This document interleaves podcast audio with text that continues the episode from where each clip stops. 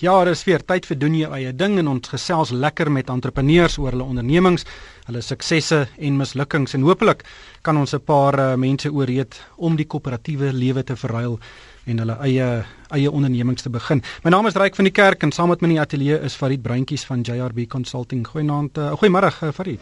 Uh, middag Ryk, goed om terug te wees. Hmm. Maar ek het vandag twee uiters spesiale entrepreneurs opgespoor om mee te gesels. Um, Chantel Dartnell is natuurlik een van die mees bekende chefs in Suid-Afrika en sy het ook al die gesogte titel as chef van die jaar um ingepalm. Maar sy is nie net 'n uitstekende chef nie, sy besit ook die uiters uh bekende en indrukwekkende Mosaic restaurant in Elandsfontein in Gauteng. En ek gaan 'n bietjie later met haar gesels oor hierdie restaurant en hoe sy kos maak en geld maak bymekaar bring. Vriend, ek dink jy kan maar jou lippe aflek vir daai gesprek. Maar die eerste entrepreneur met wie ons vandag gesels is Preston van Wyk. Hy is die eienaar van 'n baie interessante Johannesburgse tekstielonderneming met die naam Cowboys Don't Cry. Nou Cowboys Don't Cry vervaardig en verkoop spesiale klere vir motorfietsryers. Nou meeste motorfietsryers sal die besigheid ken aan sy handelsnaam Xculture. Ehm um, en die klere is nie net stylvol nie, maar dit is ook van baie spesiale materiale gemaak om die draers te beskerm indien hulle eysterperde die ondenkbare sou doen en hulle sou afgooi. Ehm um, en die onderneming het 'n fabriek in Johannesburg waar hulle hierdie klere vervaardig en dan het hulle ook kleinhandeltakke waar hulle dit verkoop. Nou die man agter Cowboys Town Cry is Preston van Wyk en ek ken hom al 'n hele paar jaar en ek het nog min entrepreneurs gesien wat so passievol oor hulle ondernemings is soos Preston. Nou Preston, welkom by doen jou eie ding. Waar het dit alles begin en hoe het jy die naam Cowboys Town Cry gekies? Ehm um, hallo Ryk. Ag dankie vir die geleentheid. Ehm um, hierdie spesifieke projek het omtrent so 8 jaar 8 jaar gelede begin die inspirasie vir die die maatskappy naam en dan die brand is al die adrenaliensporte in die 21ste eeu waar ouens uh sommer vir pret hulle lewens op die spel sal sit. Um maar ons platform waaronder ons die besigheid bedryf is het begin met motorfietsryers. Ons het in Suid-Afrika tekort of soort van uh in die mark 'n geleentheid gesien vir klere wat spesifiek vir ons mark. Want meeste van die klere wat 'n mens kry vir die motorfietsryers is heeltemal on, on, van nie van toepassing op ons mark nie. En dit is, jy weet klere wat vir die Europese mark gemaak is, maar ingevoer is Suid-Afrika toe. En ons het toe net besluit op ehm um, uh in daai daai area is daar regtig 'n uh, groot geleentheid om iets uh met bietjie navorsing te ontwerp en vir ons eie mark en sy eie benodighede. Waarvan maak julle dit? Is dit denim of leer? Ryk verskillende produkte het verskillende komponente. Ehm um, die die die uh komponent wat jy in alles sal kry wat eintlik vir jou uh, sal beskerm teen teen in as in indien jy ongeluk het, is wat hulle noem advanced technology fabrics. Dit is nou die nuwe 21ste eeu materiaal wat die ouens gebruik in NASA en vir die militêr en so aan en oor die laaste paar jare dit bekostigbaar geword. So ons kan dit nou gebruik in die ontwerp van ons produkte. So van die broeke sal uit denim gemaak wees, so die broek lyk soos 'n gewone denimbroek, maar as jy in 'n ongeluk sou betrokke wees, dan is die kans goed jy sal opstaan en wegloop en en en ons ons kry gereeld die toevoer dat dit wel met mense gebeur het. Maar jy's jy's 'n ontwerper, jy probeer daai klere goed laat lyk uh, dat 'n byvoorbeeld 'n rekenmeester dit aantrek en dan is die kinders bang vir hom. Uh nee nee, hulle moenie bang wees, hulle moenie weet hy uit motorfietsklere aan nie. Die hele idee is eintlik dat ehm um, die klere moet uh, uh, in jou daaglikse leefstyl inpas. Dit moet nie 'n uh, 'n uh, um, 'n verhindering wees nie, maar dit moet 'n kompliment wees. So as jy byvoorbeeld uh van ons produkte of een van die produkte wat ek ontwikkel het was vir 'n prokureur, 'n ou wat uh elke dag in die verkeer vasgesit het en hy het na my toe gekom sê ek wil my motorfiets werk toe ry en toe het ons vir hom maar ek moet my pak kleerwerk te dra. En toe het ons vir hom 'n produk wat baie maklik boor sy pak klere aan en af, waterbestand, windbestand.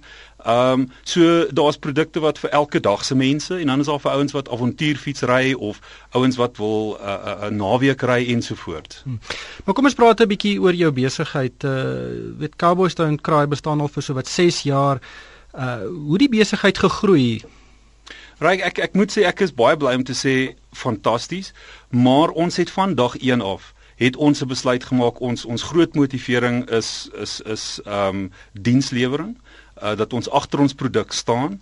Ehm um, en dat ons 'n brand wil bou waar ons vertroue in daai handelsmerk net ons kliënte wil skep. So een van die goed wat ons doen as ek gou mag vertel is as jy in een van my broeke val, dan mag jy vir my daai broek teruggee en dan gaan ek vir jou 'n nuwe broek verniet gee as ek daai broek nie kan regmaak nie. Maar ek soek ook die beskrywing van wat wel daar gebeur het. En ek dink die feit dat ons so trots agter daai produk staan, het vir ons 'n baie goeie naam gegee onder gebruikers want dit is 'n dit is 'n uh, uh, so hoe kan ek sê, ehm uh, mense wat saam uithang saam hmm. partytjie ensovoorts. Hulle praat met mekaar en hulle Dis hy so die verwysings en en daar is in, in wat my persoonlik betref, is daar nie beter bemarkings ek sê nie sê foefie nie, maar 'n be bemarkings uh, toevoeging as uh, waar mense sal vir mekaar sal sê luister, dit is 'n goeie produk en hierdie ouens staan agter die produk en die diens is goed en so aan. Die klerebedryf in Suid-Afrika is 'n moeilike een. Jy weet, ons hoor gereeld van klere en tekstielondernemings wat uh, wat vou. Ek is seker vir Cowboys in Kraai is dit ook nie maanskyn en rose elke dag nie. Hoe, hoe vind jy die sakeomgewing op die oomblik? Ek sal dit in twee verdeel. Die een is natuurlik jou toegang tot uh rou materiale en aan die werkers omset. Daar's min professionele werkers en ons geleentheid vir baie werkskepping. Die ander natuurlik is ook dan uh, met 'n besigheid wat wat groei, is kontantvloei uh, uh want ons besigheidsmodel vereis dat ons as ons rou materiale aankoop, ons minimum hoeveelhede by die tekstiel uh mills dit moet aankoop. Uh so dit dit is nogal dreinerend op ons kontantvloei en dan ook met van die maatskappye waar ons werk, moet jy met minimum hoeveelhede met hulle besigheid doen. So dit is nogal vir 'n klein besigheid is dit intensief op jou kontantvloei. Jy's een van van van min besighede wat die vervaardiging doen en dan ook die kleinhandel. En en weet die tekstielbedryf uh, en die kleinhandelbedryf is taamlik arbeidsintensief. So met die probleme wat Suid-Afrika het is is jou besigheid uh, basiese weet 'n blou druk van hoe die regering werkskepping kan aanmoedig. Hoe uh, vind jy die ondersteuning wat jy kry van van die regering en van sekere instansies wat veronderstel is om ondernemings soos joune te help? Kyk, ek moet sê ek's 'n bietjie teleurgesteld. Ons het die eh, die die IDC, hulle het verskeie programme soos 'n production incentive uh uh program uh en ons het ons het hulle genader en ons het wat ons wat ons gedink het het aan al die vereistes voldoen. Dit ons dan in in birokrasie vasgeloop wat vir my baie frustrerend is want aan die een kant is daar baie sprake van uh ons wil help en en so aan en ons doen wat wat wat van wat eintlik die regering verwag gedoen moet word. Maar ek voel nie ons kry die ondersteuning nie. Ek voel in elk geval dat hulle kyk of na besighede wat groter is as ons sinne want ons het nie versekerde van die vereistes. Hoeveel werknemers het jy? Man ons het gegroei. Ons het uh, nou op die oomblik is ons omtrent 16 mense wat wat wat vir ons werk. En dit is mense wat in ons uh winkels aan die aan die kleinhandel voorkant werk en aan mense wat in ons eie opset werk. Maar ek moet sê ons subkontrakteer dan na ander maatskappye of fabrieke toe waar daar honderde mense in die fabriek is. So die opset is baie groter as ons persoonlike opset, maar ons het van omtrent 5 mense gegroei na omtrent 17. So ons het in die laaste jaar omtrent 10 mense aangestel. Wat is op die oomblik jou grootste uitdagings? Wat hou jou in die aand wakker oor jou onderneming? Hoe ek kan 'n uh, voordeel neem uit al die ongelooflike geleentheid wat bestaan. Ek uh, jy weet meeste mense met wie ek praat, ehm um, sê vir my hulle is gefrustreerd want ons nie geleentheid nie. Ek kan nie uh, ek kan nie genoeg planne maak om te sê met met die uh regering het ons geleentheid om uit te voer het ons geleentheid ons het begin om ons eie winkels ons is nou met 'n 'n 'n online store besig. Daar's net ongelooflik potensiaal en ek ek kan nie verstaan dat mense vir my altyd sê daar is nie geleentheid nie. Dankie dit was Preston van Wyk eienaar van Cowboys Down Cry. Ehm um, Farid die tekstielbedryf is 'n baie meer dingende bedryf en hy's besig om 'n taamlike goeie besigheid hier staan te maak Ehm um, ryk ek dink inderdaad uh, dis 'n besigheid wat 8 jaar oud is. Ehm um, en ek dink ek wil uh, net graag vir Preston gelukwens dat hy verby die 3 jaar gekom het. Ek dink wat uniek is aan sy besigheid uh, en en wat hom die voorsprong gee bo ander vervaardigers en kleinhandelaars is die feit dat hy 'n spesifieke nismark geïdentifiseer het. Ehm um, hy het 'n produk geskep wat geskik is vir die plaaslike gebruik. Hy het 'n produk geloods in 'n baie sterk groeiende mark. Uh die, die sogenaamde adrenalien sportmark is sterk groeiend en as ons dan spesifiek na motorfietsse kyk, daar's 'n dis nie meer 'n 'n bedryf waar hoe sal ek dit nou sê, die motorfiets motorfietsse was mos maar ehm um, in die verlede bekend as uh, 'n uh, ding wat vir alwe ouens is. Absoluut. En en deesdae sit jy met uh professionele sake lei en en ander professionele mense wat uh 3-400 000 rand aan 'n motorfiets uh, spandeer en en uit die aard van die saak die bykomstighede kan bekostig wat daarmee saamgaan. Ja, weet en veiligheid is 'n baie groot uh, deel daarvan. Weet jy, ek koop baie keer baie duur val hulle, maar hierdie klere kan jou beskerm teen teen ander ander beserings ook. En, dis presies. Ehm um, jy weet uh, die veiligheidsaspek bly maar altyd uh uh hoog in in adrenalinsporte. En ek dink hy het 'n goeie nis en en en daar's goeie groei uh, potensiaal vir hom. Ehm um, ek dink hy het uitgenoem van uitvoergeleenthede. Dis vir my so 'n goeie voorbeeld uh van wat die regering uh die hele tyd sê die land probeer moet doen. Dis 'n uh, plaaslike werkskepping. Uh dis invoervervanging hmm. en dan die geleentheid vir uitvoer om buitelandse valuta te verdien. Maar dit is vir my nog kommerwekkend dat hy sê weet hy hy, hy, hy loop hom vas in birokrasie. Ehm um, ek weet hy het aansoek gedoen vir versekerde ondersteuning by die uh nation die um, nywerheidsontwikkelingskoöperasie. Maar het hom toe self vasgeloop in administratiewe rompslomp en op die ou en het hy nie die ondersteuning gekry nie. En tog weet hy hy bes, sy uit 'n fabriek en hy kleinhandel um, afsetpunte. Altyd van daai dele van daai onderneming neem klomp mense in diens en dit kan vinnig groei ook. Die regering hoort tog te spring om hom te help. Hoekom doen hulle dit nie? Suid-Afrika is ongelukkig internasionaal bekend dat die birokrasie redelik sterk is. As jy gaan kyk na die sogenaamde Global Economic Monitor, die, GEM report soos hulle dit noem, uh vaar Suid-Afrika werklik nie goed in terme van birokrasie en en entrepreneurskap nie. Ehm um, ek ek dink baie keer dat uh van die stelsels wat ontwikkel is nie noodwendig geskik is vir die klein sake uh, onderneming om om uh, aan aan die standaarde te voldoen nie. En dan aan die tweede plek, ehm um, dink ek dat dat die regeringsinstansies uh, nie noodwendig byhou met hulle eie wetgewing byvoorbeeld in terme van sekere vereistes nie. Hmm. Net laastens hy het 'n fabriek en 'n kleinhandel afsetpunt. Mens sien nie baie keer dat 'n klein onderneming al twee daai dissiplines in een onderneming saamvoeg nie. Ek dink omdat hy 'n nismark bedien, ehm um, is dit eintlik 'n uitstekende idee. Ehm um, jy weet dit gee vir hom die geleentheid om om 'n uh, eh, deel van die vervaardigingsbesigheid te wees en marges te maak daar, maar ook om sy produk self mark toe te neem. Ehm um, en self veral in hierdie hierdie hierdie relatief vroeë stadium terwyl hy nog besig is om markte te groei. Ehm um, 'n eerstehandse kennis te kry van wat die kliënte voorkeure is en dit dan terug te bring in sy vervaardigingsbedryf en en marknavorsing. Hmm. Ek gesels nou met die chef uh, Chantel Dartnell, sy is een van die bekendste chefs in Suid-Afrika. Maar sy is nie net 'n uitstekende chef nie, sy besit ook die gesogte Mosaik restaurant wat deel is van die Orient Hotel in Gauteng. Chantel, welkom by die program. Waar kom jou liefde vir kos vandaan en het jy nog altyd gedroom om jou eie restaurant te besit? Wel, Ryk, eerstens baie dankie om uh, dat jy my op die program het vandag. En ehm um, ja, kom ons begin maar by die begin. Ek was nog altyd mal daaroor om te kook en my my passie was nog altyd daar om om dit met mense te kan deel. En my ouers kon dit van 'n vroeë ouderdom af sien en seker vanaf ek 13 jaar oud was, het ons al begin gesels in verband met hoe gaan ons hierdie restaurant en die hotel oopmaak en en weet daai passie kan uitreef. Ehm um, so my moeder het besluit nadat ek teruggekom het van van Londen af dat sy wil betrokke raak by die projek saam met my en haar um, lewensmaat Kobus het die besluit om om die hotel en die restaurant ontwerp hier so in Elandsfontein. Ehm um, wat natuurlik is waar waar ons woon. So die die inspirasie vir die hotel het eintlik gekom van hulle besoek aan Marokko af. Waar my ma die pragtige argitektuur gesien het en gesê het sy sal nou regtig daarvan hou om eendag haar eie Amerikaanse ehm um, dorpie te hê. En dis toe hoe die Orient ontstaan het. Ehm um, dis same dan met my passie vir vir die restaurant. Ons het eintlik twee identiteite toegeskep. Jy het een vir die hotel en een vir die restaurant en dis waar Mosaic vandaan gekom het. Maar dis 'n baie indrukwekkende gebou. Ehm um, maar dit is taamlik afgeleë in Elandsfontein. Weet gaste wat uit Pretoria of en Johannesburg ehm um, weet by die na die Orient wil gaan met 'n taamlike entry. Hoe beïnvloed dit die restaurant? Weet jy reg, uh, dit is nogal een van ons oorwegende faktore in verband met waar ons die restaurant wil oopmaak.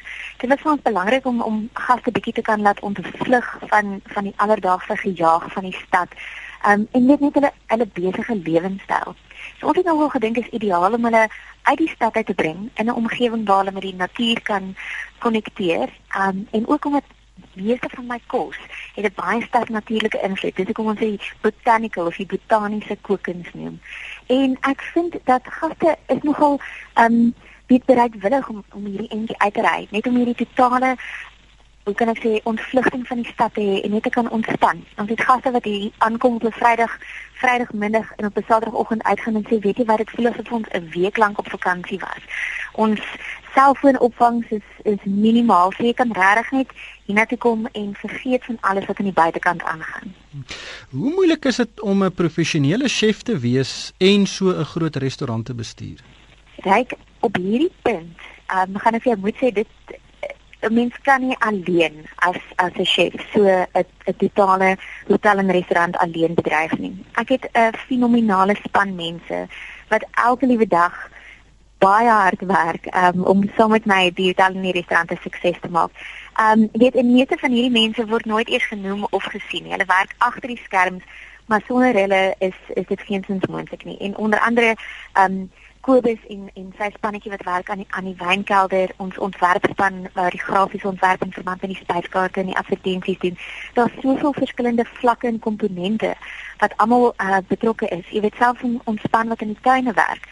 Weet sonder hulle is is dit nie moontlik om alles te onderhou nie. Maar toe julle nou die restaurant beplan het, weet daar was groot drome, julle die styl baie versigtig gekies. Maar met daai droom wat julle gehad het, het jy ooit gedink uh, aan die finansiële kant van die restaurant en en en uh, hoe moeilik dit sal wees om dit te bestuur?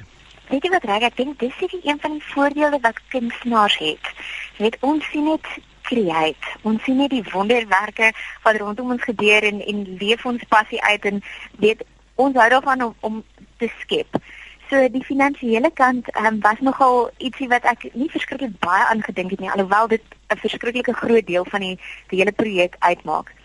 So weer eens dis hierso waar waar Kobus um, kom ons sê hy is die die meester agter agter die die projek. Net hy het al die fyn beplanning gedoen. Ons het deur ehm um, vele werksessies gesit waar ons die beplanning gedoen het, weet om uit te werk, weet wat is hier die omdraaipunt en hoeveel gaste ons moet hê in die hotel. So mense kan nie sonder daardie beplanning in 'n besigheid instap en en nie weet weet wat wat moet jy bereik nie en wat is jou beplanning in verband met hoe jy moet groei oor 'n 10 jaar periode nie.